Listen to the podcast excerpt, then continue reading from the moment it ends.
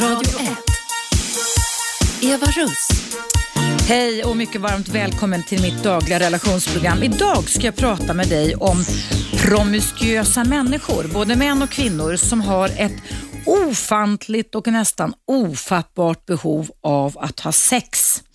Eh, de kan vara, eh, leva i så kallat monogama förhållanden men de kan inte hålla sig från att vara otrogna gentemot sina partners. I båda kvällstidningarna idag, alltså Aftonbladet och Expressen, så står det faktiskt lite om det här med monogama gener och otrohetsgener. Bland annat så tar man upp i en av kvällstidningarna så står så här, sork, genväg till den eviga kärleken. Och där minsann tar man upp som forskning som jag redan har delgett dig i ett antal radioprogram, nämligen det att det finns en väldigt, väldigt monogam präriesork som alltså inte är tillsammans med någon annan än den part partner som man ingår någon slags nöd och lustrelation med. De håller sig till varandra livet ut. Och där har då elaka forskare, och det har jag redan tagit upp i min bok Relationskoden, eh, funnit då att det är en typ av gen som man skulle kunna i hormonsystemet, som man kan säga, i det biologiska systemet, som man då kan tillsätta till en annan typ av eh, eh, väldigt promiskuös bergssork. Men jag vet också att åkersorkar är väldigt otrogna också. Och då visar sig när de här elaka forskarna forskarna gjorde så att när man tog de här hormonella genen ifrån den väldigt monogama, alltså trogna präriesorken och satte den till den otrogna eh, bergssorken eller åkersorken som jag läst om, så slutade de att vänstra. Då slutade de med att vara otrogna. Och i den annan kvällstidningen så står det som en webbfråga så här idag. Skulle du äta medicin för att hålla ihop ditt äktenskap? Och Då säger eh, resultatet av omröstningen, det är på Expressen.se, då säger 58 procent nej och 42 procent säger ja till att man skulle vilja äta medicin för att hålla ihop sitt äktenskap. Och Då står det så här att förra året slutade 23 388 svenska äktenskap och skilsmässa.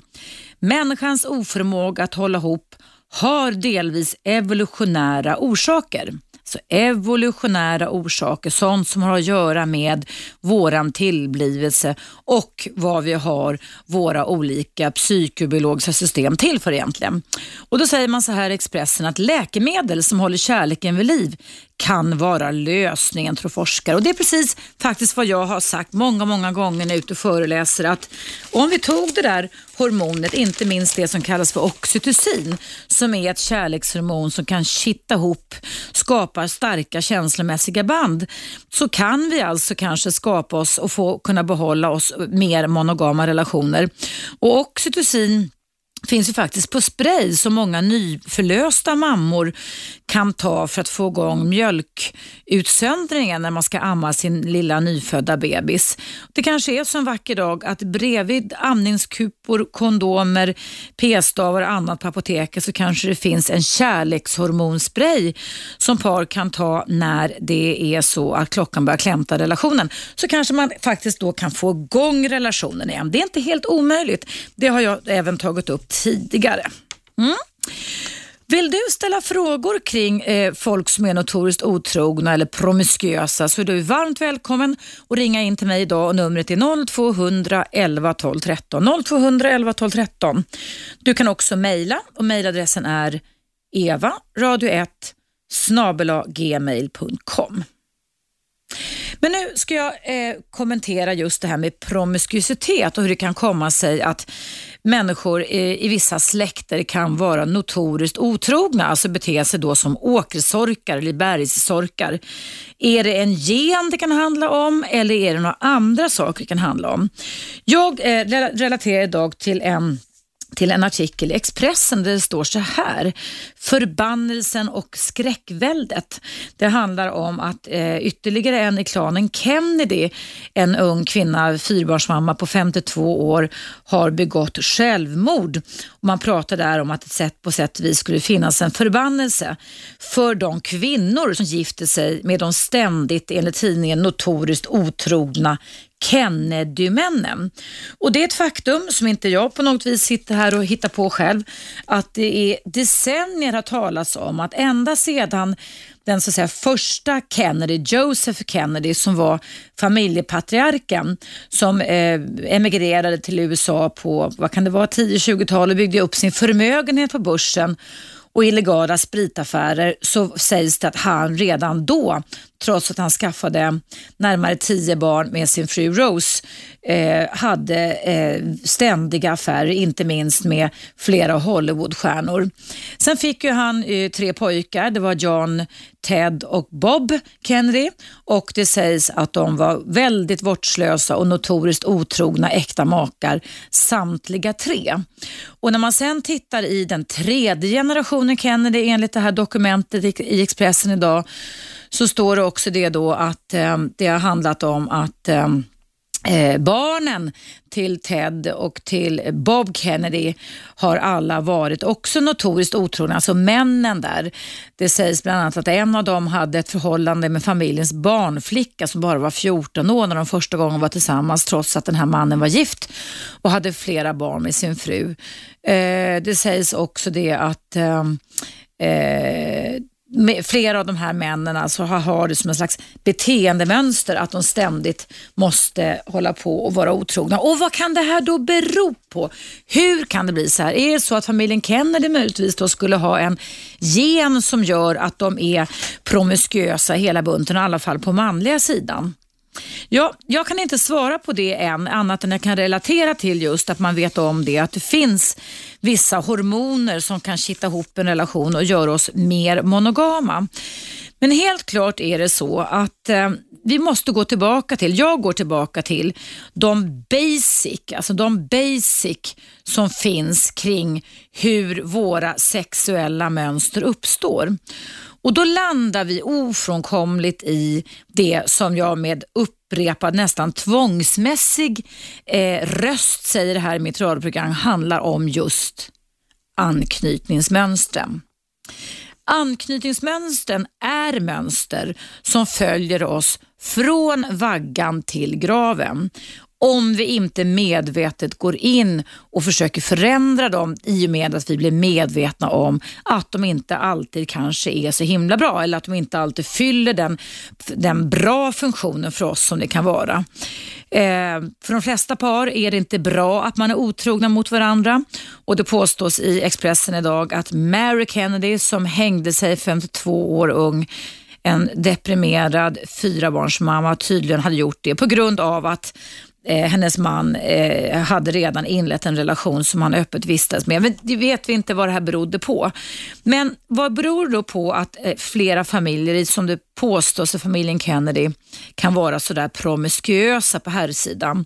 Jo, det handlar alltså om anknytningsmönster och anknytningsmönster det är hur mamma och pappa, våra tidiga vårdgivare, alltså de som tog hand om oss först, hur de har hanterat oss rent känslomässigt från det att vi är små ända upp till vuxen ålder. Och under de första tre till fyra åren så grundläggs, då räfflas kan man säga anknytningsmönster in i våra hjärnor och givetvis då innan vi får språket vid två och ett halvt års ålder på en väldigt omedveten nivå.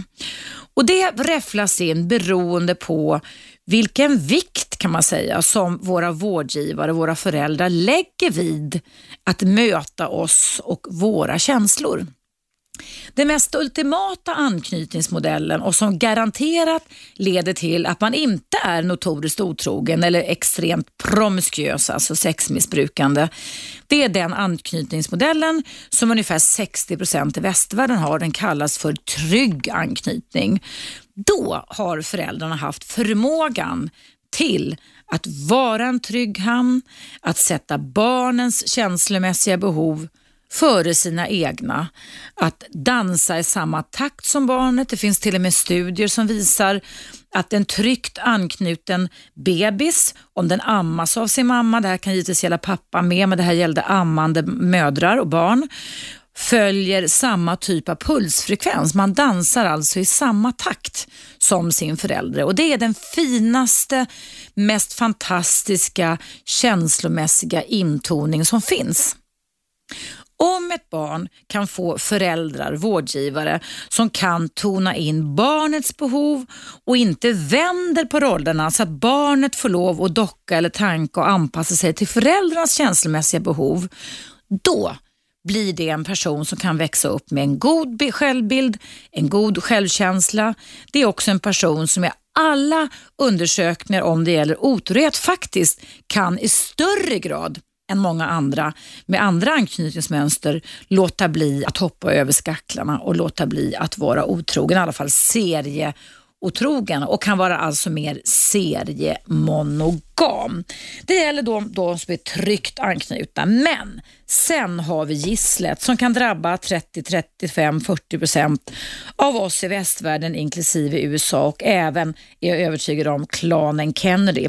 Och Det är de som har fått helt andra typer av anknytningsmönster där det är klockrent så att det visar sig i de sexuella mönstren.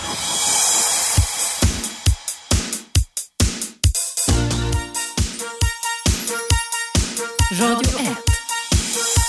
Eva Russ. Välkommen tillbaka. I mitt relationsprogram idag så pratar jag med dig om människor som är notoriskt otrogna. Om promiskuösa människor, människor som måste ligga runt hela tiden och det är nästan tvångsmässig besatthet av det här.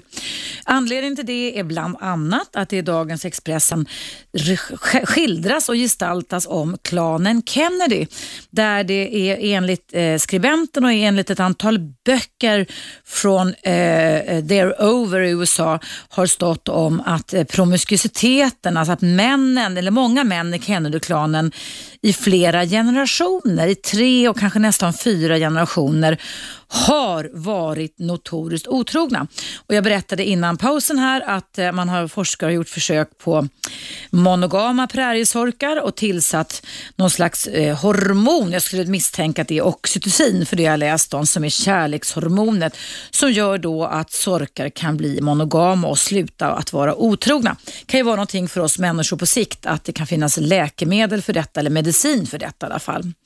Nu är det i alla fall så här då att när det all, väldigt mycket av våra sexuella mönster kan vi alltså härleda till vilken typ av anknytningsmodell vi har. Och innan pausen så berättade jag för dig om att vi som kan ha, ha haft intonande föräldrar där våra behov som barn mötte möttes av våra föräldrar, där det inte var omvända roller, där vi fick anpassa oss till föräldrarna, kan ha större tur med att både skapa trygga parrelationer och större, eh, mindre behov av att faktiskt vara otrogna. För de anknytningsmönster, det finns tre anknytningsmönster som man idag världen över pratar om, som kan ge upphov till sexuellt instabilitet kan man säga i relationer. Det är de som kallas för otrygga anknytningsmönster och det tror forskarna att det är ungefär mellan 30 och 40 procent i västvärlden. Och de här kan också sen i sin tur delas upp i två undergrupper. Det ena kallas för otryggt undvikande och det andra kallas för otryggt osäker eller otrygg ambivalent. Otryggt undvikande då? Jo, det är barn som under, det här är alltså rep repetitiva mönster som inte bara sker en endaste gång när man är liten utan som sker ständigt. Så man kan säga att det är föräldrarnas temperament tillsammans med barnets egna gener och sårbarhet och frekvensen och kvaliteten på den känslomässiga kontakten och antalet repetitioner som avgör vilken typ av anknytningsmönster man får. Och Det här sker ju då på en omedveten nivå och de otrygga anknytningsmönstren får inte alltså riktigt dansa i samma takt som mamma och pappa i deras puls kan man säga. Det blir alltså en missmatch barn och föräldrar emellan. Men det märks oftast inte för man är vuxen. Så anknytningsmönstren märks i otrygghet, instabilitet både i känslor som vuxen men kan också märkas i sexuella mönster. Ja, vad är det då för mönster som otryggt undvikande kan ha? Hur har föräldrarna betett sig? Jo, i varierande grad eh, så kan föräldrarna då ha varit, kan ha varit så att barnet får i väldigt stor utsträckning från det att det är liten vara den som liksom ger presenter till mamma och pappa inte tvärtom. Man pratar om eh, väldigt alltså, tvångsmässigt givande, att det blir alltså omvända roller. Att barnet är den som får sätta på sig ett leende, barnet får vara föräldrarnas lakej. Barnet bryr sig om och liksom nästan tonar in förälderns humör från det att den vaknar på morgonen och liksom tänker omedvetet pappa och mamma, hur vill du att jag ska vara idag? Vilket humör tycker du att jag ska vara på idag? Så det är barnet som får läsa föräldrarnas sinnesstämning och sen anpassa sig efter det här.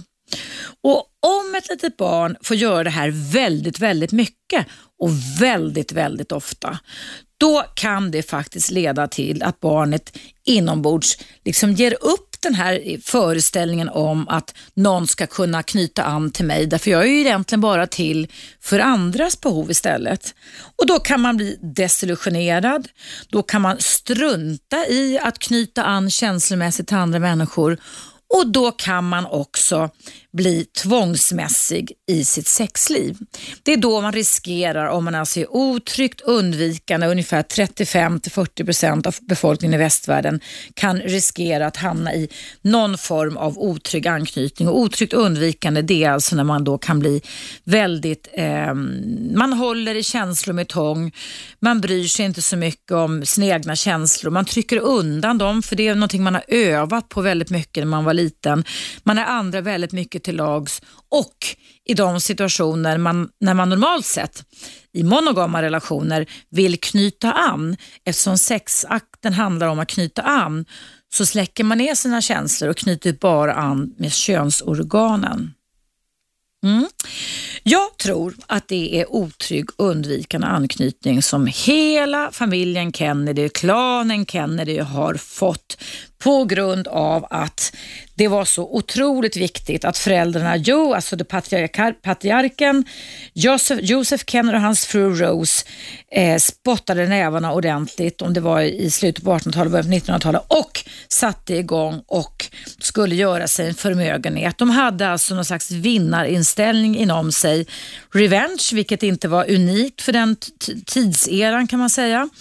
Eh, men jag är övertygad om att känslor inte blev så viktiga, att känslor fick liksom puttas undan. Så också när man då skaffade den här jättestora familjen. Det har också varit någonting som var typiskt för familjen Kennedy, eller klanen Kennedy, nämligen den att man måste ha så väldigt många barn. Eh, de är ju eh, katoliker, inte mormoner, för mormoner kan annars ha väldigt många barn också, för jag tror att preventivmedel är förbjudet, men det är det hos katoliker också, eller på den tidens katoliker. Och Det leder då till att de har haft alltså 9, 10, 11 barn, någonting sånt där, genom de olika relationerna, generationerna.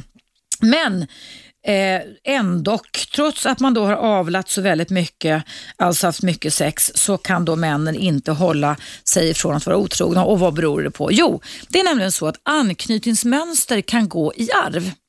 Så för vi människor tar efter, alltså vi härmar beteenden som vi har lärt oss på och om vi inte liksom kommer till vägs ände, till någon vändpunkt där någon skakar om oss, något skapar om oss, vi själva skapar om oss, där vi inser att vad håller jag på med? Det här är inte bra.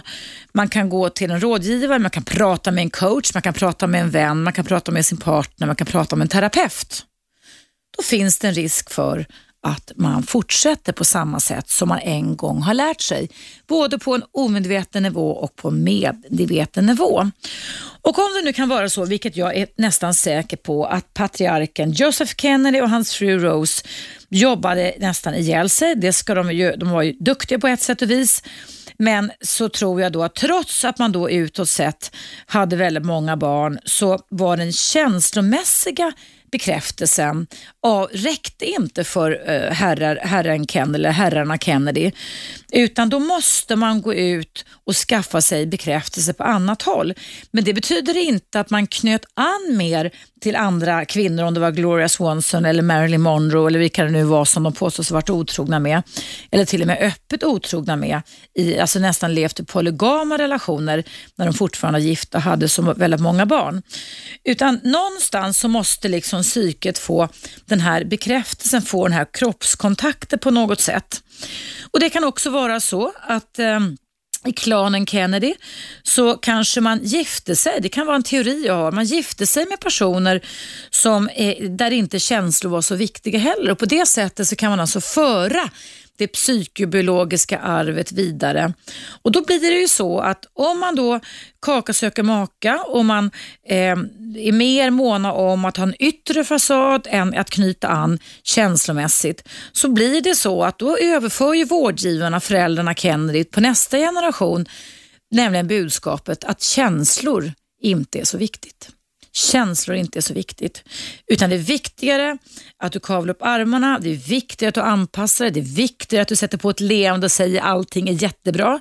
Det är viktigare att du jobbar ihjäl dig och det är viktigare att du bara litar på dig själv och inte litar på andra.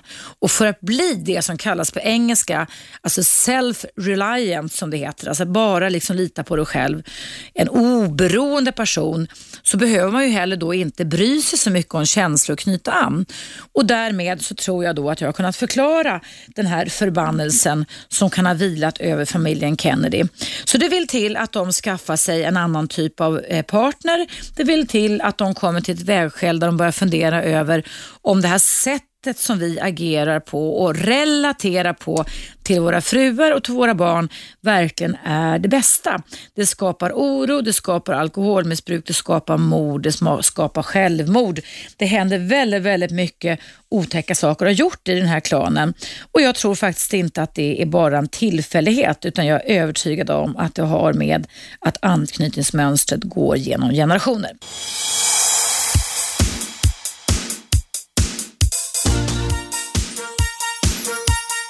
Radio 1.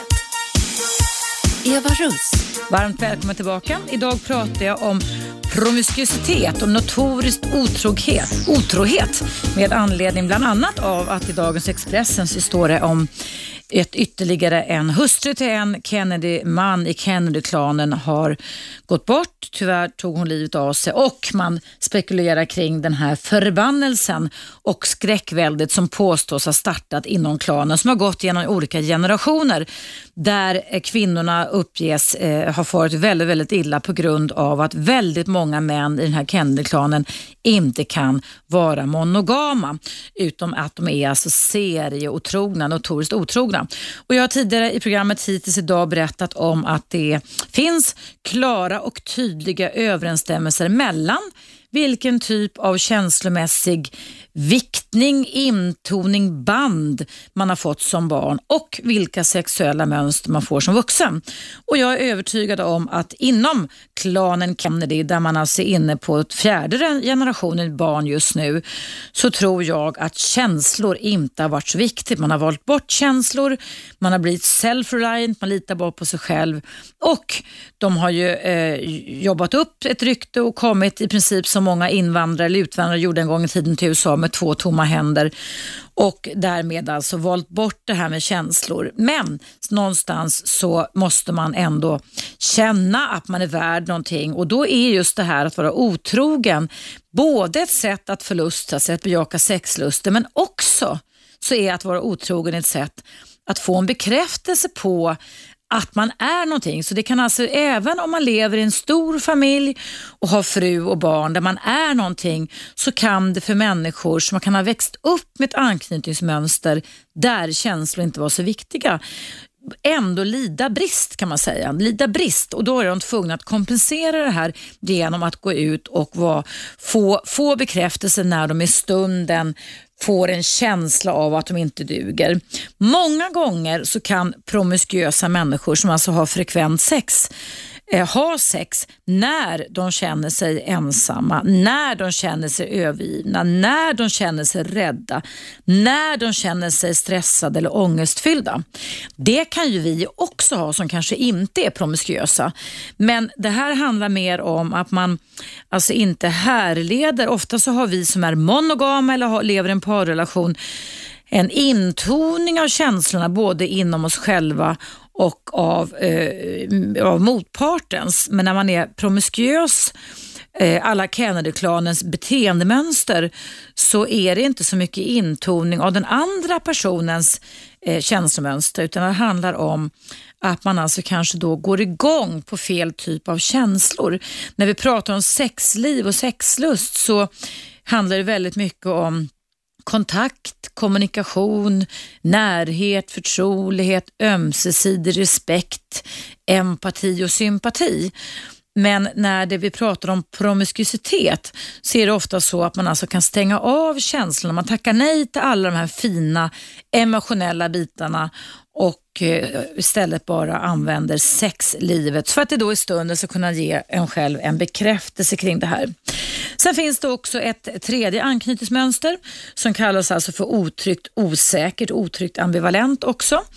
Och Det anknytningsmönstret kan också eh, leda till att man som vuxen person inte minst kan vara väldigt otrygg i sitt känslomässiga anknytande till andra människor, inte minst i parrelationer. Och Det kan oftast då bero på att vårdgivarna eller de som stod barnet närmast, alltså oftast mamma eller pappa eller de som var där i deras ställe, eh, kan under repetitiva, eh, många, många stunder, alltså inte någon enskild händelse, varit väldigt otrygga. De kan ha varit ömsom hipp, ömsom happ. Barnet har inte riktigt vetat på vilket sätt, de som är otryggt undvikande, som jag tror är det anknytningsmönster som Kennedyklanerna lider av. Där har det liksom varit på samma sätt hela tiden. Där har känslor inte varit något viktiga. Där har barnen fått anpassa sig och ständigt vara föräldrarna till lags. Hur vill du att jag ska bete mig idag? Man är en givare. Känslor räknas inte. Man trycker ner dem så att man låtsas att det inte känns. Det känns ju i alla fall, men man liksom sätter på sig ett leende fast hjärtat bultar både i magen och i kroppen och i pannan också för den delen. Men de som är otryggt ambivalenta, de kan i varierande grad eh, vara alltså väldigt instabila. De kan vara och annorlunda. De kan visa upp olika typer av beteendemönster som kan vara ganska irrationella och svåra för motparten att kunna tolka. Och i varierande grad så kan man pendla mellan att vara aggressiv och hjälplös till att vara väldigt förförisk eller bestraffande. Det är också på den anknytningsmodell som heter otrygg ambivalent som man kan finna eh, emotionell instabila människor, emotionell instabil personlighetsstörning till exempel som även förr hette borderline har just med den anknytningen. Då har föräldrarna varit nyckfulla. Man har inte riktigt vetat hur mamma eller pappa skulle bete sig och det är viktigt att det här är någonting som har försiggått länge. Det är repetitioner det handlar om, det är inte någon enstaka händelse. Och då är barnet på vakt eller den vuxna är på vakt. Och det visar sig i alla studier om vuxna människors anknytningsmönster vad gäller sexliv och att förmåga kunna vara monogama, alltså trogna sin partner, så slår det igen. Människor som har haft det som kallas otrygg anknytning är i större grad än de som är tryggt anknutna mer benägna till att tycka att one night stands är okej, okay, i varierande grad givetvis. Och att eh, det kan vara svårt att inte kunna bejaka när man får de här seximpulserna. Nu ska jag läsa upp ett mejl här som har med promiskuitet att göra. Det är från Mira. Då står det så här. Hej! Jag är en tjej på 18 år som precis gjort slut med min första seriösa pojkvän. Min pojkvän är 21 och har varit otrogen mot sina tidigare flickvänner. Vi var tillsammans ett år och det har gått upp och ner. Under denna period när vi var tillsammans var han otrogen via olika sociala sajter där han gav skamliga förslag till andra tjejer. Ung och naiv som jag är, alltså Mira är 18 år, förlåter jag honom fyra till fem gånger. Men nu, den senaste gången, gjorde han samma sak fast mot en tjej i min närhet, det vill säga i min klass. Och sen fortsätter Mira sitt mejl så här. Jag var alltså under ett och ett halvt års tid konstant orolig eller avundsjuk på de andra tjejer han hade kontakten med eller har haft kontakt med. Jag har svårt att komma över honom trots att det var över tre månader sedan vårt slut. Har du några förslag på hur jag kan vända mina tankar eller liknande? Jag skulle gärna, eh, ja, med vänliga hälsningar. Så, eh, då tänkte jag så här, det är alltså en flicka som är 18 år och som har gjort slut med sin första seriösa pojkvän. Och det kan jag ju säga då att det var väl himla synd att din första seriösa relation eh, skulle, dra, skulle drabbas av en kille som var notoriskt otrogen. Eh, jag tycker att det är sorgligt. Han är 21 år ung, eller var, han lever fortfarande. Och eh, Det som är, slår mig här nu när jag läser ditt mejl, det är det att det är jätteviktigt för dig att inte tillskriva dig själv. Du säger att du vill veta hur du ska vända dina tankar. Det här har inte med dig att göra, för det kan ju lätt vara så att den här första skälvande kärleksrelationen man har, eh, du är nyss 18 år fyllda, är den man liksom minns. Man säger first cut is the deepest, det är den man oftast kommer ihåg. Men här har det att göra med en kille som jag nästan till 100% kan säga då har den här typen av otrygg anknytning som leder till att det spelar ingen roll hur mycket han med orden bekräftar att ni är tillsammans.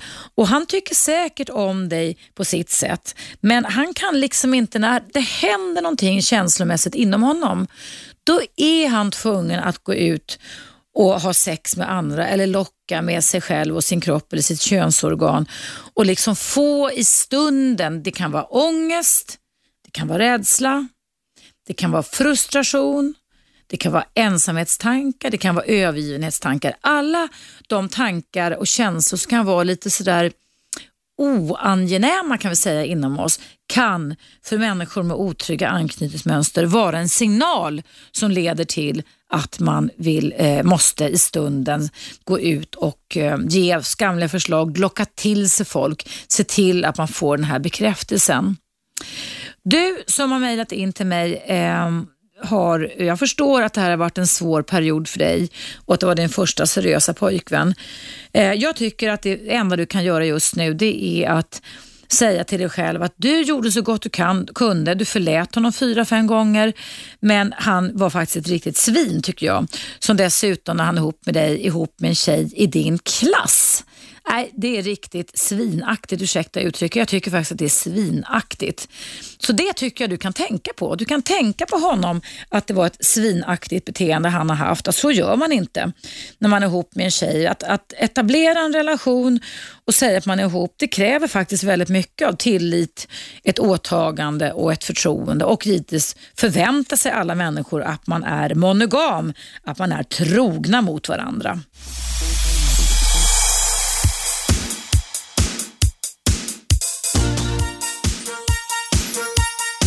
Radio 1. Eva Russ. Varmt välkommen tillbaka. Idag pratar jag om promiskuitet i mitt program. Och om du vill veta den exakta eh, betydelsen av promisku, promiskuitet så, så säger man bland annat på Wikipedia det att det betyder lösaktigt sexliv med fler än en partner. Eh, jag har tidigare i programmet pratat om att eh, forskare idag i båda kvällstidningar relaterar till att man kan alltså hitta de gener eller hormoner i däggdjursvärlden, det här handlar om herr och fru Sork inte minst, som man kan alltså införa till Eh, de otrogna åkersorkarna ifrån de monogama präriesorkarna och se i ett vips så blir de monogama och är inte lösaktigt sex, har ingen lösaktigt sexliv med fler än en andra partners. Men nu ska vi prata lite med Martin som hade en fråga. Hej Martin! Hallå? Hallå? Hallå Martin? Hallå? Nej. Hallå? Hallå? Hallå? Hallå? Hej! Det var ingen där överhuvudtaget. Det var konstigt. Det blev något fel här på radion. Nåväl, alltså promiskuitet det handlar alltså om ett lösaktigt sexliv med fler än en partner. Och Det är då alltså har eh, eh till nästan 99% säkerhet har alltså att göra med våra tidiga anknytningsmönster. Och innan pausen här så pratade jag eh, om ett mejl från en ung flicka som hade sin första seriösa pojkvän. Hon är 18 och han är 21 och den här mannen, eller unga pojkvännen, han har då under det här året som de var ihop varit väldigt, väldigt otrogen och då frågade sig den här unga flickan vad hon skulle kunna göra för att kunna hantera sina tankar kring det här. Och eh, när han dessutom har varit otrogen med en tjej i hennes klass så fick hon nog. Jag tycker det var jättebra. Jag tycker att du ska, som har mejlat till mig, tänka så här. Att du var med om en trist händelse. Det har inte med dig att göra, det har med honom att göra. Eh, du ska aldrig mer ens förlåta någon fyra, fem gånger. Man kan förlåta, förlåta en person två gånger, eller en gång tycker jag, för att se om den personen har förändrats i sina mönster och beteenden mot den.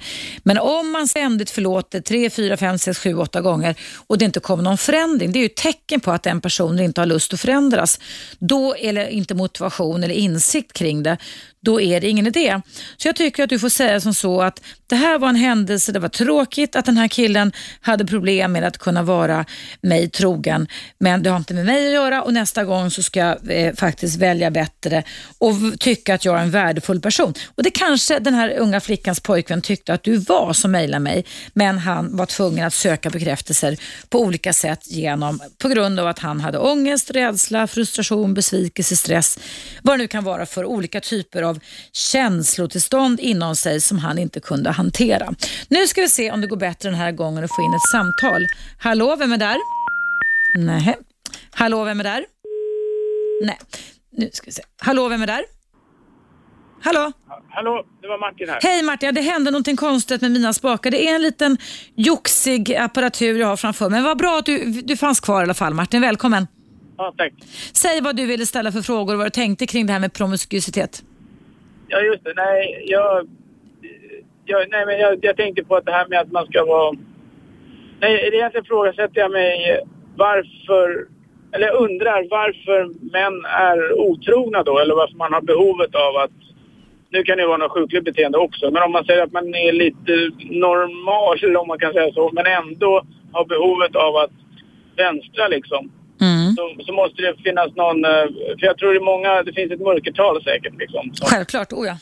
Ja, och, och, och, man behöver inte vara någon hemsk människa för att man är otrogen liksom. Nej, nej. Men, men någon, och även tjejer kan ju vara det för sig då, men man pratar mest om killar kanske. Tjejer kan vara lika mycket otrogna som killar. Ja.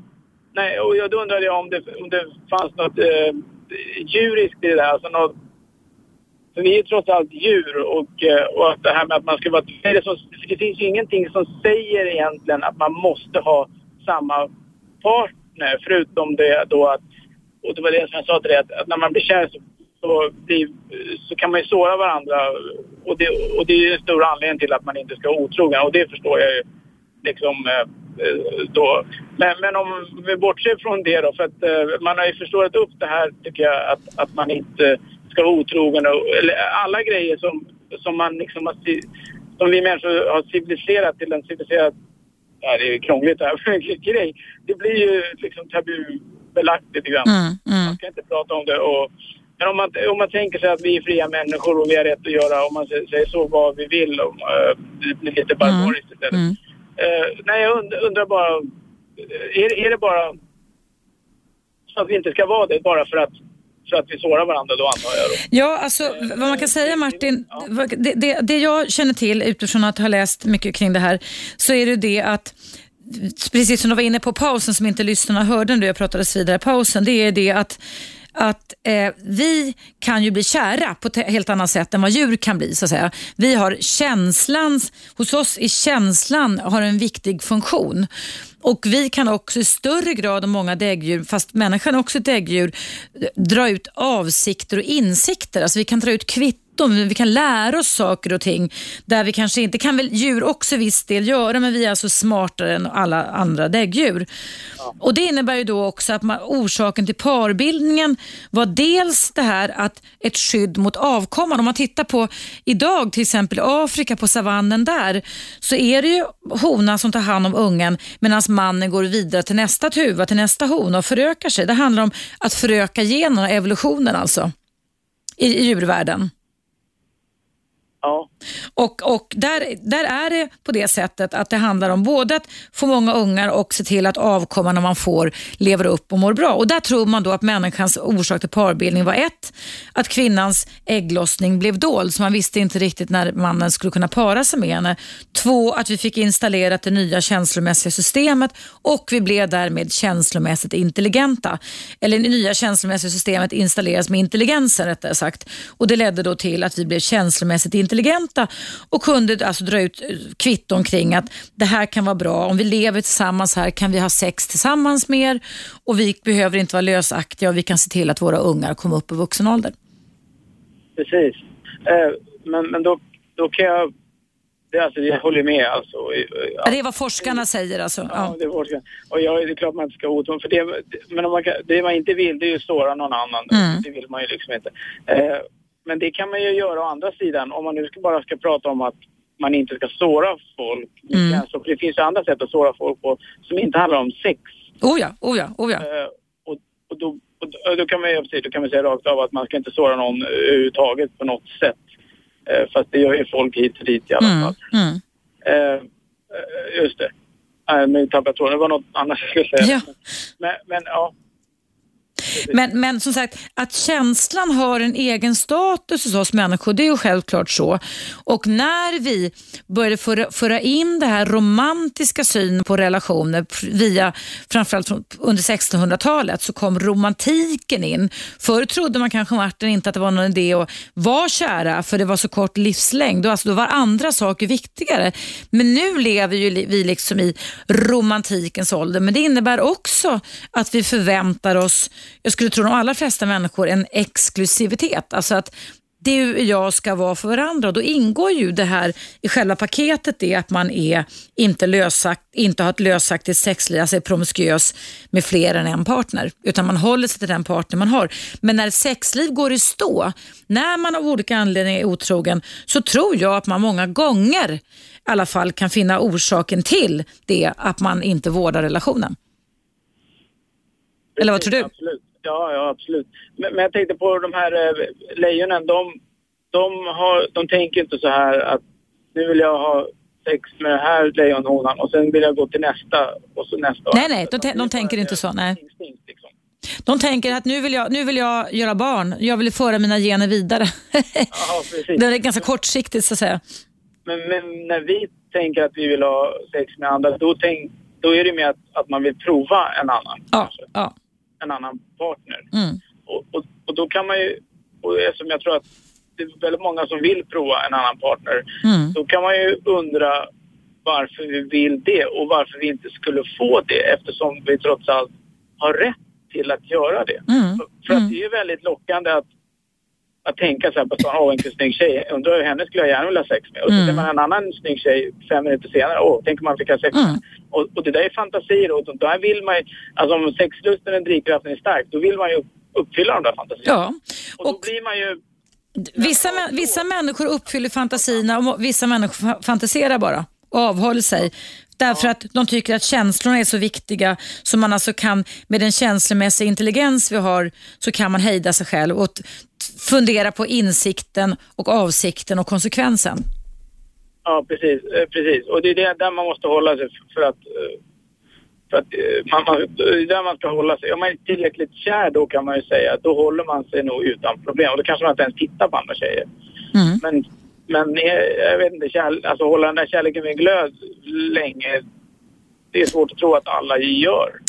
Nej, alltså det, det, det, finns ju också mycket studier på det jag tagit upp tidigare i mitt program, att de par som håller, i, får alltså långa och hållbara relationer, de ser till att inte tappa de känslomässiga banden. De berör varandra, de har sex med varandra, de är intima, förtroliga och så vidare.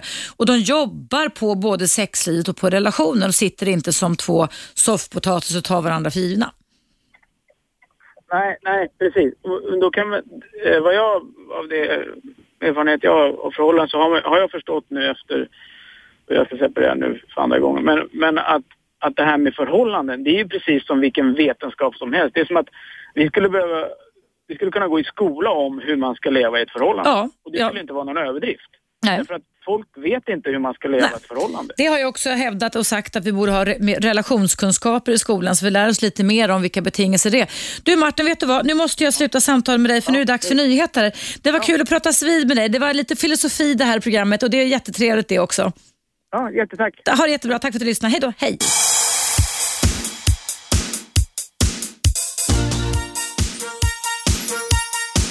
Radio 1. Eva Russ. Varmt välkommen tillbaka. Idag i mitt relationsprogram så pratar jag om promiskuitet.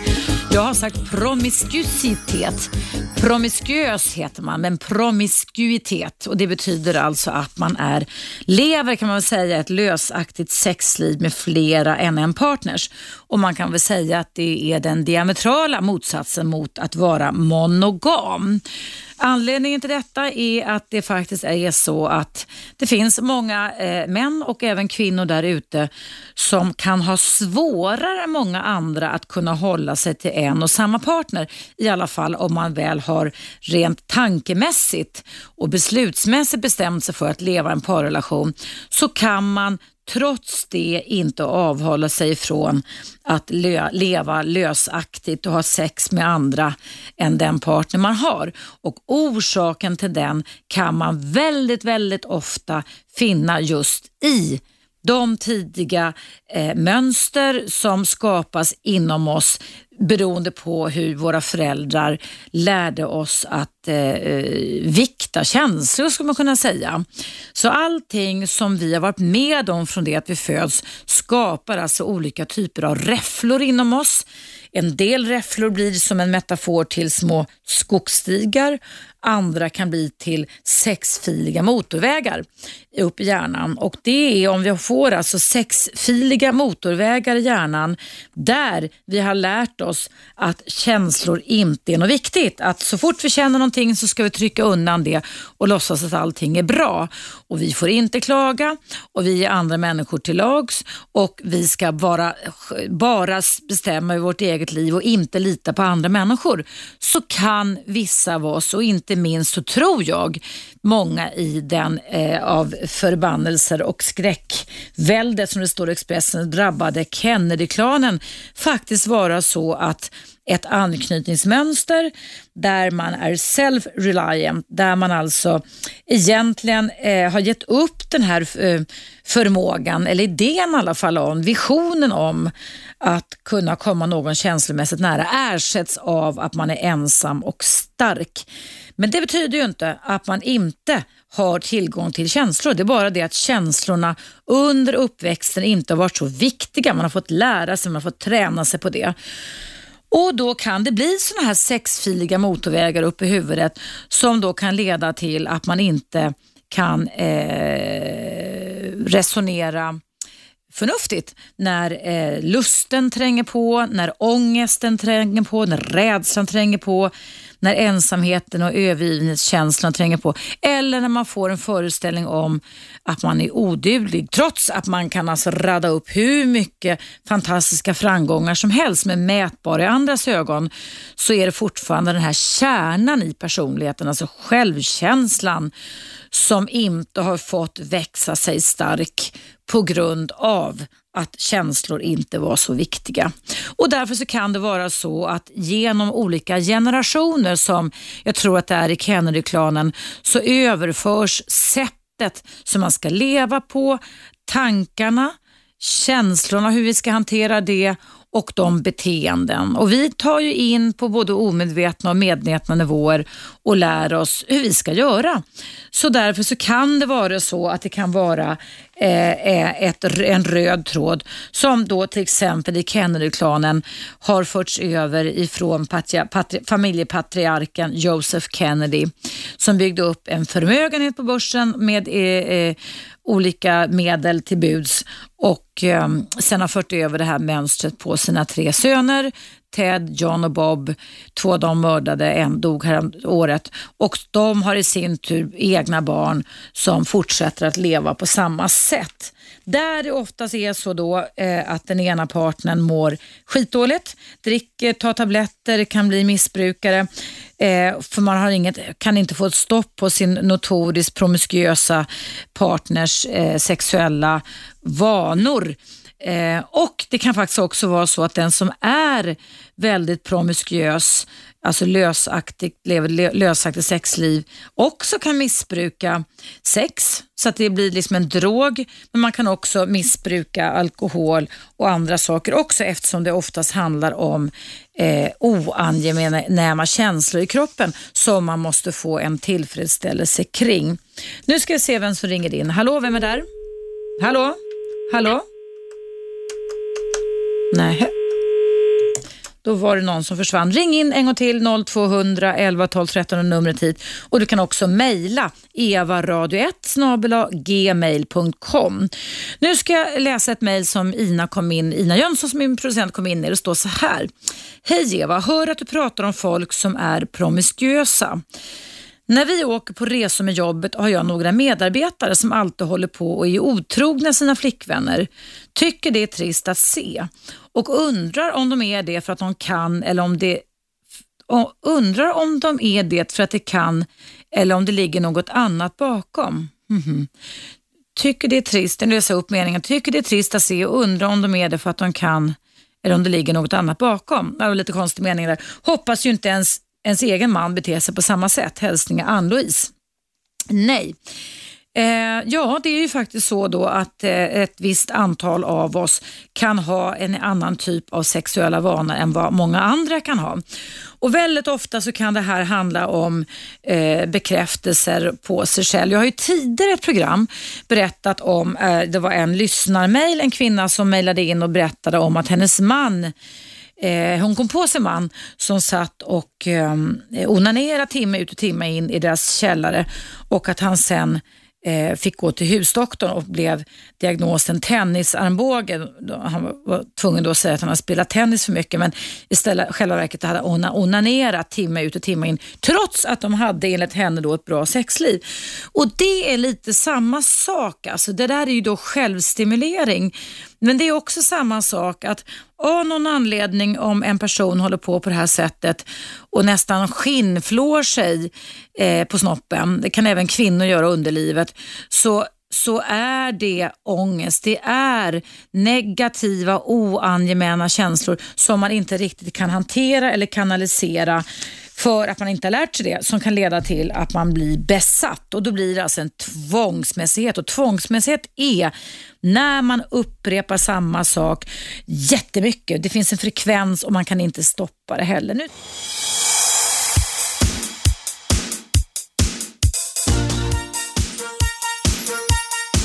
Radio 1.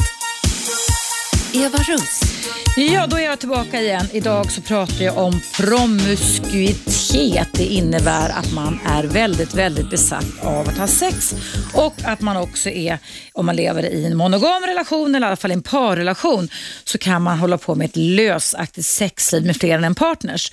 Och då är kanske känslor, det här att knyta an, inte så viktigt och att man oftast kan gå igång, har jag berättat om tidigare i programmet, som du kan lyssna på i repris klockan 22 kväll om du vill höra hela teorin bakom hur anknytningsmönster uppstår och hur det kan komma sig då att vissa personer kan bli mer sexuellt vidlyftiga än andra. Nu ska vi se vem som finns på telefonluren. Hallå? Tjena, jag var Albin här. Vad heter du? Albin. Hej Albin, välkommen till mitt program. Ja, hej. Eh, jag sitter och lyssnar idag på det där med om otrohet och det. Ja. Och jag är nog lite cynisk, men jag tycker det där är, det är brist på uh, moral bara och uh, framförallt respekt för den andra. Mm, och brist, och, uh, du menar att, ja. att, man, att man tummar på moralen, man, tänk, man, man lägger undan tänket kan man säga? Ja, eller bara bristande respekt för medmänniskor. Mm.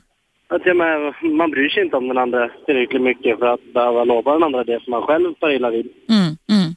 Så, så att det enda man ska göra är att försöka tankemässigt, tänker du då Albin, påminna sig själv om det är det här med tillit, tänker jag, eller hur? Commitment, åtagande, vad man har åtagit sig. Ja, det eller så är man bara väldigt sinnessvag så att man inte kan heller bestämma över sig själv. Mm. Men det tror jag inte många killar skriver på. Mm. Det är väl bara det att för många människor, en del människor i alla fall Albin, så kan det vara så att när olika typer av känslor, vare sig det är om man säger liksom negativt laddade eller positiva, dyker upp, så är det ju en del personer som inte kan hejda sig utan måste ha den här omedelbara liksom, behovstillfredsställelsen. Då ska de nog inte ingå förhållande. Nej, man får ju, om inte annat så får man träna sig på att avstå ändå, som du säger, bete sig moraliskt gentemot sig själv och sin partner. Ja, jo, absolut. Ja, det, där är jag med helt. Mm. Mm. Ja. Nej, men jag bara tänkte på det. ja, jättebra. Toppen, toppen. Tack för att du lyssnade Albin. Ha en jättebra dag. absolut. Hej. Hej, hej, hej. Ja, ska vi se på nästa samtal. Hallå, vem är där? Ja, hej det var Robert här igen. Ja, hej. Ja, du försvann. Jag förstår inte vad som hände. Det är något fel på vårt tangentbord idag här. Eh, du, vad, vad tänkte du, du att du ville prata med mig om? Nej, men alltså det jag försöker säga, alltså, jag har lyssnat på dig när du pratade om det ämnet som du pratar om just nu. Du får det att låta så fel på någon, kanske någon man eller någon kvinna som väljer att liksom ha ett annat förhållande eller ha två tjejer eller två killar typ. Berätta, hur tänker du då? Vad tycker, vad tycker du? Har du själv erfarenhet av det här Jag eller? försöker säga det att du försöker liksom få det att låta som att det är fel på de människorna som gör så. Men det jag vill säga det är att människan är inte liksom på ett sätt.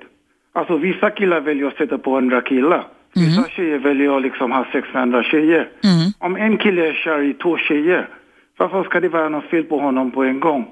Om en tjej väljer att ha två killar, varför ska det vara fel på henne på en gång? När en kille får sätta eh, på en annan kille liksom, som är helt åt fel håll enligt min uppfattning, förstår du? Mm. Jag förstår vad du menar. Vad, vad jag pratar om är den här paraspekten och det jag inledde programmet med att jag tror att de flesta personer när man ingår ett par så är det ett commitment men alltså om man i parrelationen Det är som säger att par måste vara liksom ett commitment. Det beror på vad man har för liksom för arrangement eller för... Ja, men jag menar det. Men, och de flesta människor som ingår en parrelation, alltså en tvåsamhet, väljer ju det, då det, det att... är ni liksom nutidsmänniskan som säger Ja, en relation ska vara två personer. exakt. Eller liksom mellan man och kvinna eller man och man. Mm. Men vem är vi att liksom bestämma hur det ska se ut? Det ska komma liksom, det, det, har olika, det tar olika former typ. Det är inte vi liksom bara för att vi tror att vi är så smarta som ska bestämma att det måste vara liksom mellan två personer. Det är ingenting som säger att det måste vara mellan två. Nej. Vad har du själv för tankar kring detta för din egen del eller erfarenhet? Alltså, det är inte så att jag stödjer att man ska vara otrogen och hålla på Nej. som man vill. Men samtidigt, det jag är inne på det är att hur kommer det sig att du försöker få det att se ut som att en människa som är otrogen, att det är någon tjock på den människan. Nej, fast det säger jag inte. Jag säger inte sjukdom. Jag pratar, jag, jag pratar om att grunden för, för Robban, grunden för hur våra sexuella mönster utvecklas ligger i vårat, vårat sätt hur vi har lärt oss hantera och han- ta, ta hand om känslor på. Ja, precis. Men du snackar om Kennedy-familjen av att oj, det är någonting, det måste ha varit någonting medfött och sådär. Men bögarna sätter på varandra och egentligen, alltså enligt min mening, då är det något, förstår du vad jag menar? Men ingen, alla Ja. säger att nej, nej, nej, det är ingen... Nej, men även vare sig du pratar om bögar eller flator som sätter på varandra. Om de, det, det är inget sjukt, det är inget konstigt på något sätt. Men Men det är konstigt om jag har två tjejer, eller hur? Nej, nej, nej, nej, nej. utan jag pratar om promiskuitet, alltså när man blir tvångsmässigt besatt. Förstår du? Alltså när, när man inte kan sluta, när det är inte bara en bög man sätter på, man sätter på fyra samma dag och så fem dagar därpå. Alltså man kan inte sluta med det, det är det jag menar. Nej, men vi tillåter det där med liksom homosexualitet bara för att systemet har godkänt det.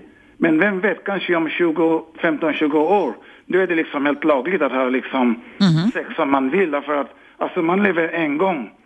Och människan får leva sitt liv som människan vill liksom. Det är ingen som ska sätta normerna. Bara för att jag väljer att liksom sätta på tio tjejer, ska det vara något fel på mig? Mm. Nej, jag säger inte att det är fel, jag säger inte att det är sjukt, jag säger inte att det är någon sjukdom. Men jag säger att man kan se detta, alltså att det, man kan fara själv illa om man har lärt sig hantera känslor på fel sätt. Det finns det evidens för. Därmed är det inte sagt att man är psykiskt sjuk. Det är inte det jag säger. Ja, precis. Därför att det är det jag vill att, alltså jag vill inte, det är ingen sjukdom på det. Nej. Killar väljer att knulla killar, det är deras rättighet. Jag, väl, rättighet. jag väljer att knulla fem tjejer, det är min rättighet också. Mm. Men gör du det, knullar du fem tjejer Robban om du har en kvinna som du älskar och som älskar dig som bara vill ha dig för sig själv?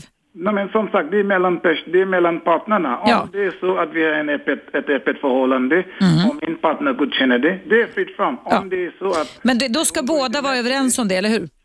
Precis. Det ska inte vara så, apropå Kennedy-klanen som jag började programmet med idag, så att man tror att man har ingått ett förbund, men det, reglerna gäller bara för en person men inte för två personer. Det är det som är problematiskt, speciellt om det sen går ut över sexliv och allt annat som det kan inneföra och medföra också. Ja, okej, jag förstår det, men okej, jag förstår vad du försöker mena. Det- Grejen är att okej, man ska inte springa bakom ryggen på varandra sådär. Nej. Samtidigt, om jag är en single kille Ja, om du är en singelkille, nej nej precis. Men nu, och lever livet och tycker att det är kul att liksom ha sex ja, du kan vara promiskuös om du vill, alltså, det får man gärna vara, det är inget förbud på det. Men jag pratar mer om man, lev, om man lever i en parrelation. Vad sa du? Sex, libido, det är sexualdriften. Ja, ja. Si- Sigmund Freud. Och det är det som driver människan. Mm. Utan libido så skulle människan inte existera. Förstår du? Mm. Och det är det som händer. Och samtidigt som, alltså, i naturen så väljer djuren den starkaste liksom partnern. Mm. Och det, det är därför håller de på att liksom gå runt. Och egentligen ska det vara samma sak med människan. Därför att en kvinna vill inte liksom, när hon väljer sin partner, inte tar hon första nöden som kommer. Hon väl, väljer sin kille på samma sätt. Med omsorg, ja. Mm. Ja, precis. Och det är samma regler som gäller. Men vi människor tror att vi är smartare än allt annat, som du säger. Oj, men människan, vi är smartare. Det är ingen som vet hur djuren tänker. Därför att det är vi som kommer på att oj, djuren tänker på så sätt, så sätt. Men ingen kan komma in i hjärnan på de djuren som delar jorden med oss. Vi bara tror, vi föreställer oss vad de tänker sig. Men ingen vet vad de tänker egentligen. Förstår du? Så alla ska ha rätt att liksom göra som de vill. Utan att någon annan ska behöva liksom säga det där är bra, det där är inte bra liksom. Folk Ja. lever en gång och de lever som de vill and that's it. När man dör, då är man lycklig eller olycklig. Just det. Det, det beror på, alltså det är upp till var och en. Just det, precis. Du, tack så jättemycket för din åsikt Robban. Det är fler som ringer här nu. Tack för att du lyssnar på programmet och tack för dina åsikter. Okej, Tack, hej. hej då, hej hej. Ja, nu ska vi se om det är något samtal till här på gång. Hallå, vem är där? Hallå, nej, då försvann det. Hallå, vem är där? Hallå, Ja, hallå? hej, välkommen till Leva Russ. Vem pratar jag med? Ja. Nej. Förlåt? Det är Tony. Tony? Ja. Du hörs lite svajig där borta. Kan du rätta till det på något sätt med stänga av radion och sådär? Så nu. Ja, nu hörs det bättre. Ja. Jo, eh, när det gäller den här uh, ja, eh, sexualdriften då. mm, Jag tror det är medfött liksom. Jag tror inte att eh, det handlar bara om att eh, man är så som du försöker framställa det. Att eh, de som är otrogna eller de som är som, som har eh, ofta sex, att de är sjuka på något sätt. Jag tycker, jag håller med den här föregående Robban? telefonist, Robban eller vem det är. Ja, hur som helst i alla fall. Att eh, du försöker framställa mm, de här människorna att, så att de är sjuka eller någonting. Jag tror kanske att liksom att du kanske är pryd av dig själv och så eh, jämför du dina värderingar och ditt sätt att vara med, med andra och så ser du kanske att det är att det är någon skillnad och så, så, så försöker du sätta eh, ord och sjuk, sjukdom på hur andra är. Tycker Fast du, vet, vet du vad? Jag säger som jag säger till Robban alldeles nyss. Jag har inte nämnt ordet sjukdom. Det är ni som använder ordet sjukdom. Jag pratar om olika mönster. Att vi får olika typer av tanke, känslor och beteendemönster som kan leda till att vissa av oss här på jorden kan bli mer promiskuösa, alltså mer notoriskt otrogna och alltså besatta av sex än andra bara. va- va- Men det är ingen va- sjukdom. Men, men du, du försöker liksom sätta ord på det här, men, men varför är det... Att det i, I djurvärlden så, så, så är det naturligt att, att, eh, att uh, hanen parar sig med flera och flera Oh ja. honor liksom. Och det, det är helt naturligt och många forskare sa också att det är naturligt liksom att man, mannen förökar sig och, och, och parar sig med, med flera liksom. Så det, det är inte liksom så som promiskuös eller vad det är att eh, mannen är, är, är sjuk liksom för det. Liksom. Men jag har aldrig sagt sjuk. Det är någonting som ni har läst in. Jag har aldrig nämnt ordet sjukdom överhuvudtaget. Ja, det, det, när, när du pratar Jag pratar om mönster, att vi får olika sätt som vi hanterar, vi får olika strategier i livet som vi hanterar känslor på. Men det betyder inte att man är sjuk om man är promiskuös. Nej, jag, jag gillar inte heller att man sätter människor i olika fack och Nej. försöker uh, uh, liksom framställa dem och diagnostisera dem och, och få dem att framställa som de är sjuka. Liksom. Det, Mm, nej. Men jag, jag har faktiskt inte sagt att någon är sjuk. Jag pratar om att vi får olika typer av mönster.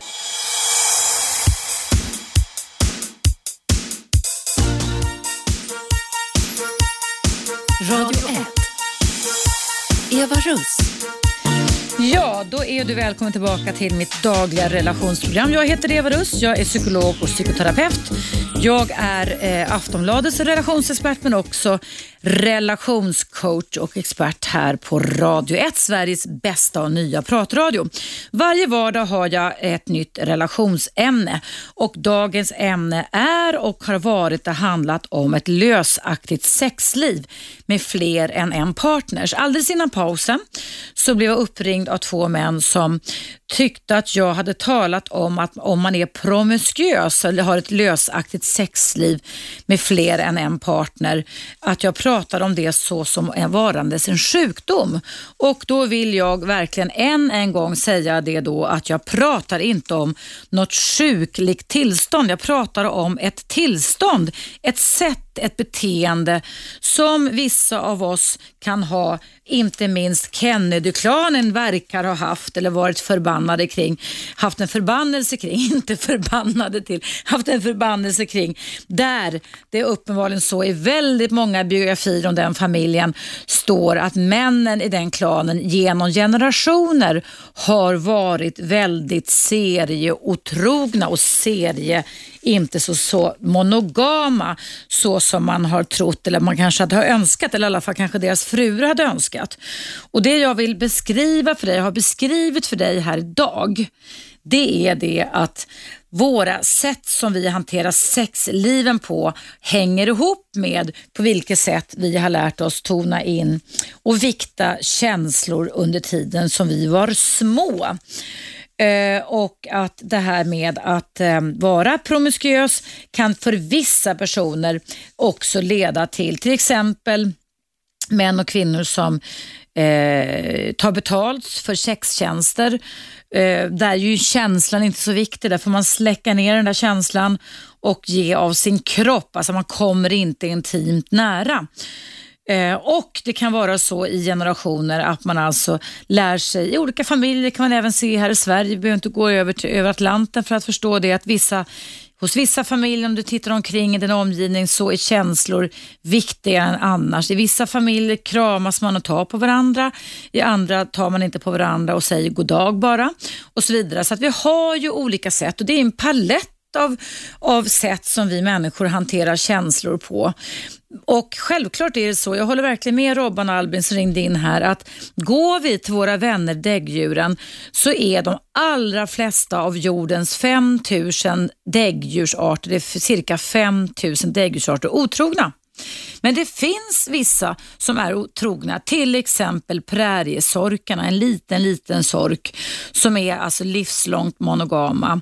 Det finns också små silkesapor, det finns små eh, titiapor heter de, det finns kejsarpingviner där man lever och svanar inom fågelvärlden också så är det många fåglar, de är ju inte däggdjur i och för sig, som lever monogamt och som ser till att vara trogna och inte då motsatsen till det otrogna eller notoriskt otrogna eller promiskuösa mot sina partners.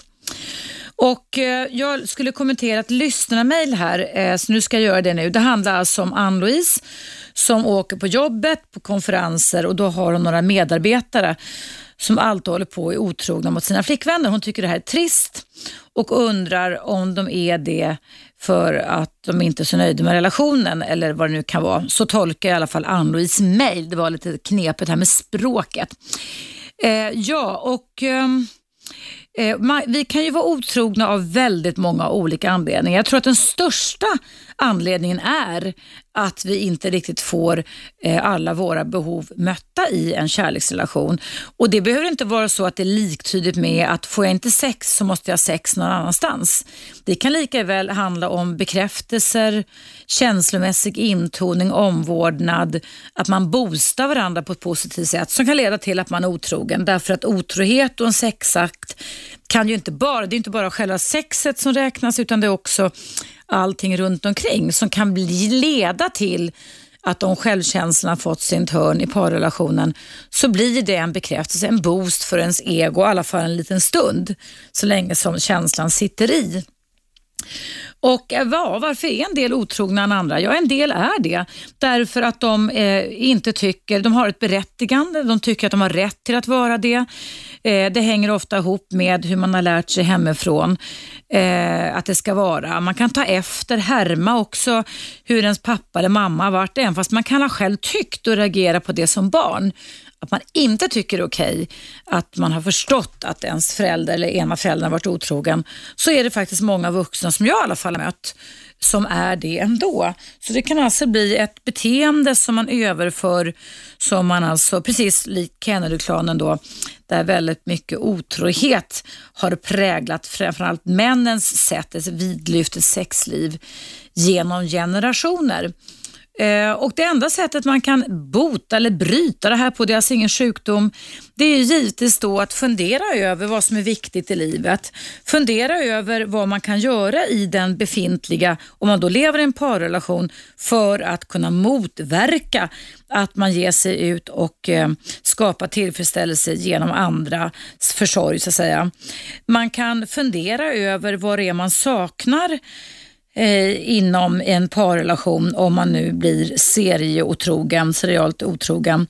Man kan eh, gå till en terapeut som typ har min kompetens eller någon annan kompetens också och få lite hjälp med att hitta den känslomässiga klangen. Det är många människor som beroende alltså på vilken typ av anknytningsmodell man har fått med sig sedan man föddes och när man växte upp, som faktiskt inte riktigt vet hur vissa känslor eller vilka känslor man har rätt till beroende på att man i olika grader har fått lära sig att anpassa sig eh, där känslor kanske i, i, olika familjer inte har varit så viktiga.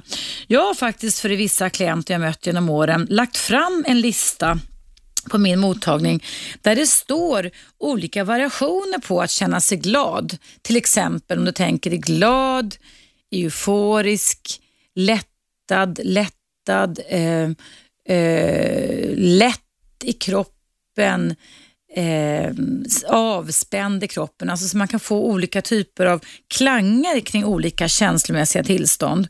Och det är det faktiskt ganska många där ute. Alltså det är typ en 30-35 av oss i västvärlden som det sker som forskning på, som har anknytning att göra, som alltså inte riktigt vet hur känslor ska kännas, vilka känslor man har rätt till eller inte.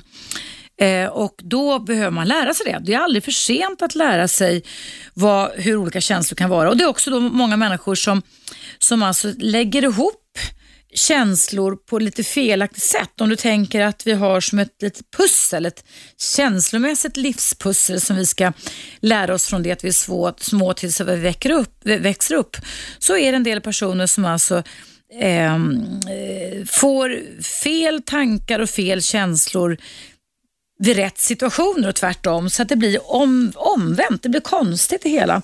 Och Då kan det också vara en anledning till, det är ingen sjukdom jag pratar om, men det kan leda till då att man får använda sig av Eh, ett, ett, ett vidlyftigt sexliv. Eller som jag har berättat om flera gånger här, eh, att man blir en tvångsonanist. Alltså att man är tvungen att hantera sin ångest med antingen att omsätta extremt många partners eller genom att man onanerar så man blir skinnflådd till slut. För att man måste hantera den otäcka och obehagliga känslan som oftast skap, kallas för rädsla, ångest, ensam och övergivenhet.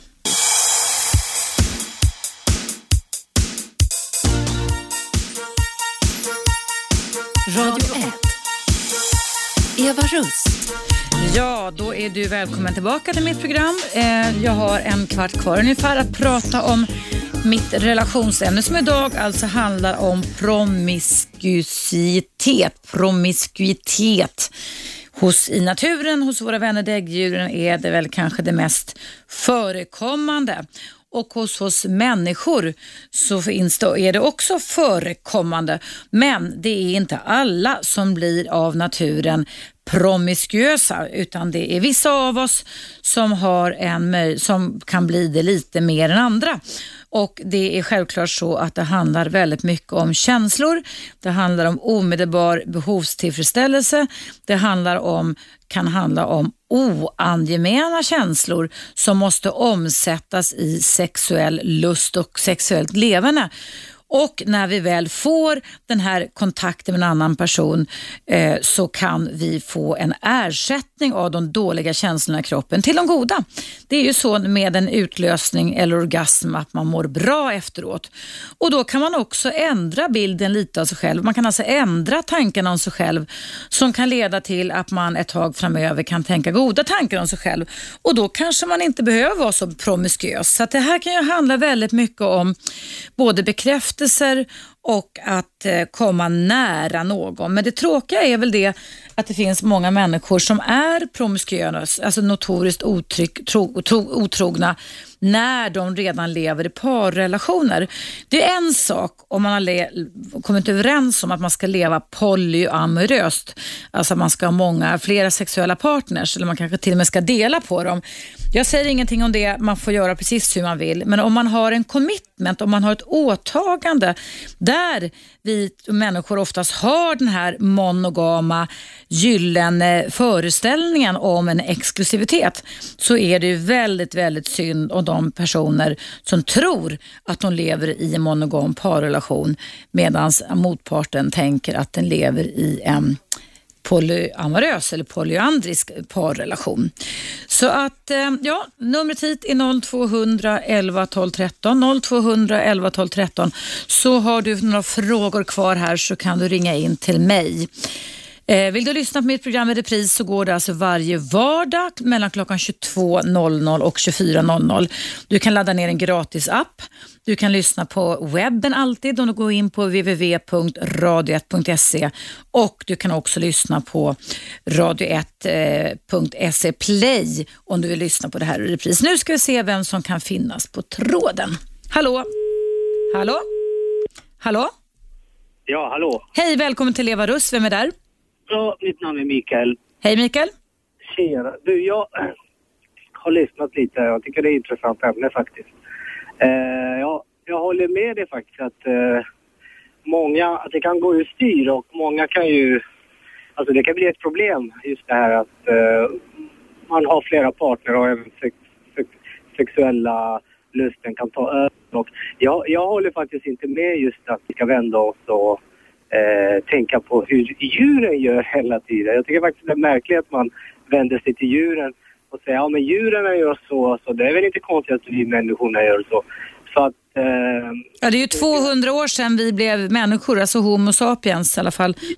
Ja, ja jo, jo, men, jo, jo, men jag menar idag alltså att mm. vi tolkar våran beteende och sen ursäktar vi oss med att även djuren gör så. Mm, mm. så det är väl lite konstigt. Vi har ju, vi har ju själva varit djur, absolut. Mm. Eh, det jag menar är alltså att det finns ju djur som eh, spindel som heter svarta änkan som eh, eh, så fort eh, den har legat med sin man så dödar den den och äter upp den. Just det, just det. Den är ju känd. Vadå, betyder det att vi ska döda våran eh, partner och äta upp dem och sen tolka det att ja men de gör så, det är väl, det är väl inte konstigt att vi gör så. nej, precis. Nej, så, nej. Så man kan ju vända på steken. Jag menar, speciellt, eh, jag jobbar mycket med ungdomar. Mm. Och det här kan man ju se bland unga tjejer. Börjar lite också på uh, killar. Att just det här att de mår dåligt och använder eh, sex. sexet att kunna dämpa sin ångest. Mm. Mm.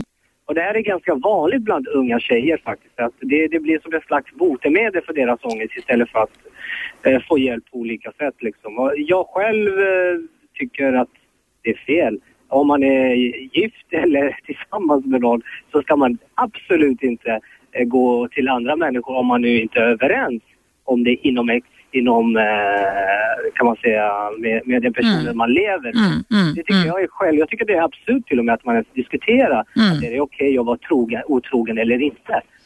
För liksom, vad ska man säga till sina barn eller vad, vill man lära sina barn? Liksom? Ja, visst, Att man ja, visst. bedrar den andra människan. Det är ju egentligen det man gör ju liksom att säga, men det är okej att ha flera partners. Mm. Så att, nej, men det är ett intressant ämne och Mm. eh, Och det där du sa tycker jag var jättebra att du sa det för att det är det jag har haft för mig, eller haft bakom mina ögon, alltså jag har haft i huvudet hela tiden just det här att hos många ungdomar idag som har ett vidlyftigt sexliv så är det promiskuösa beteenden och jag är inte säker på att de får väl av detta. Jag tror att många barn far illa av det här faktiskt. Eh, Men ja, ja det, ah, absolut. Alltså, det är ju fruktansvärda siffror när man ser till exempel, eh, det är inte många som pratar om det med aborter. Mm. Ju många är det som gör aborter. Visst, vi har ju liksom eh, fri ab- att man kan göra aborter, men det, det är också en, eh, vad säger man, det är ett ansvar. Mm. Alltså att en person som går igenom en abort, den personen mår ju inte bra efteråt. Nej, nej. Och Det, det har ju blivit ganska vanligt att, ja, visst, i, i början var det tabu att ligga runt Mm. eh, med liksom kristendomen och allting. Och sen blev det ju efter 70-talet Ed, så blev det ju wow, nu ska, nu ska man göra det liksom. Mm. Och eh, jag tycker idag har vi kommit långt med att visst, alla bestämmer vem man vill ha sex med men att det finns ett ansvar också liksom. Det finns sjukdomar som sprids eh, överallt liksom. Eh, det finns det och det har faktiskt kommit tillbaka. Alltså, jag, kan berätta, jag kan bara berätta att jag, eh, nu ändrade dig på tråden, att jag hörde om ett så otroligt sorgligt exempel. Jag var på en föreläsning på, eh, vad heter det här i Stockholm? Heter det Arken eller Noaks ark? Det handlar om hiv-smittade personer eller aids, alltså som har fått det. Och Det var en kvinna i min ålder som hade, hon har varit i radion och pratat om det så det är ingenting jag bryter, ingen kläm till mig eller sådär. Men som berättade för mig, eller berättade där då att hon hade blivit lämnad av sin man här i Stockholm för kanske 10-15 år sedan och varit helt knäckt över detta och hade en halvvuxna barn och då fått rådet som man kan ge någon att gå ut och lev livets glada dagar. Liksom. Ta för dig, du ska inte ha fler barn och så vidare. Och så vidare. Och Det var här i Stockholmstrakten och hon gjorde det och hon fick hiv. Hon blev aids-smittad bara för några år sedan här i Stockholm. Jo, exakt. Alltså grejen är så att jag, jag har själv barn Mm, eh, och det är också hur vi exploaterar barn för sex. mm, Alltså det är så mycket som talar för att man ska gå ut och, och, och, och ha kul. mm, mm. Men det är ingen som talar om konsekvenserna för det. Nej, precis. Det är Nej. ingen som förebygger det och säger men eh, och visa andra sidan också. Alltså, så, här, så här kan det gå. Mm, Om mm. du inte tänker, vi pratar inte så mycket om kondomer, vi pratar inte så Nej. mycket om smitta, så att man smittar den andra, bedrar den andra människan. Liksom. Nej. Eh, och det är så mycket som, går man bara in i Aftonbladet idag.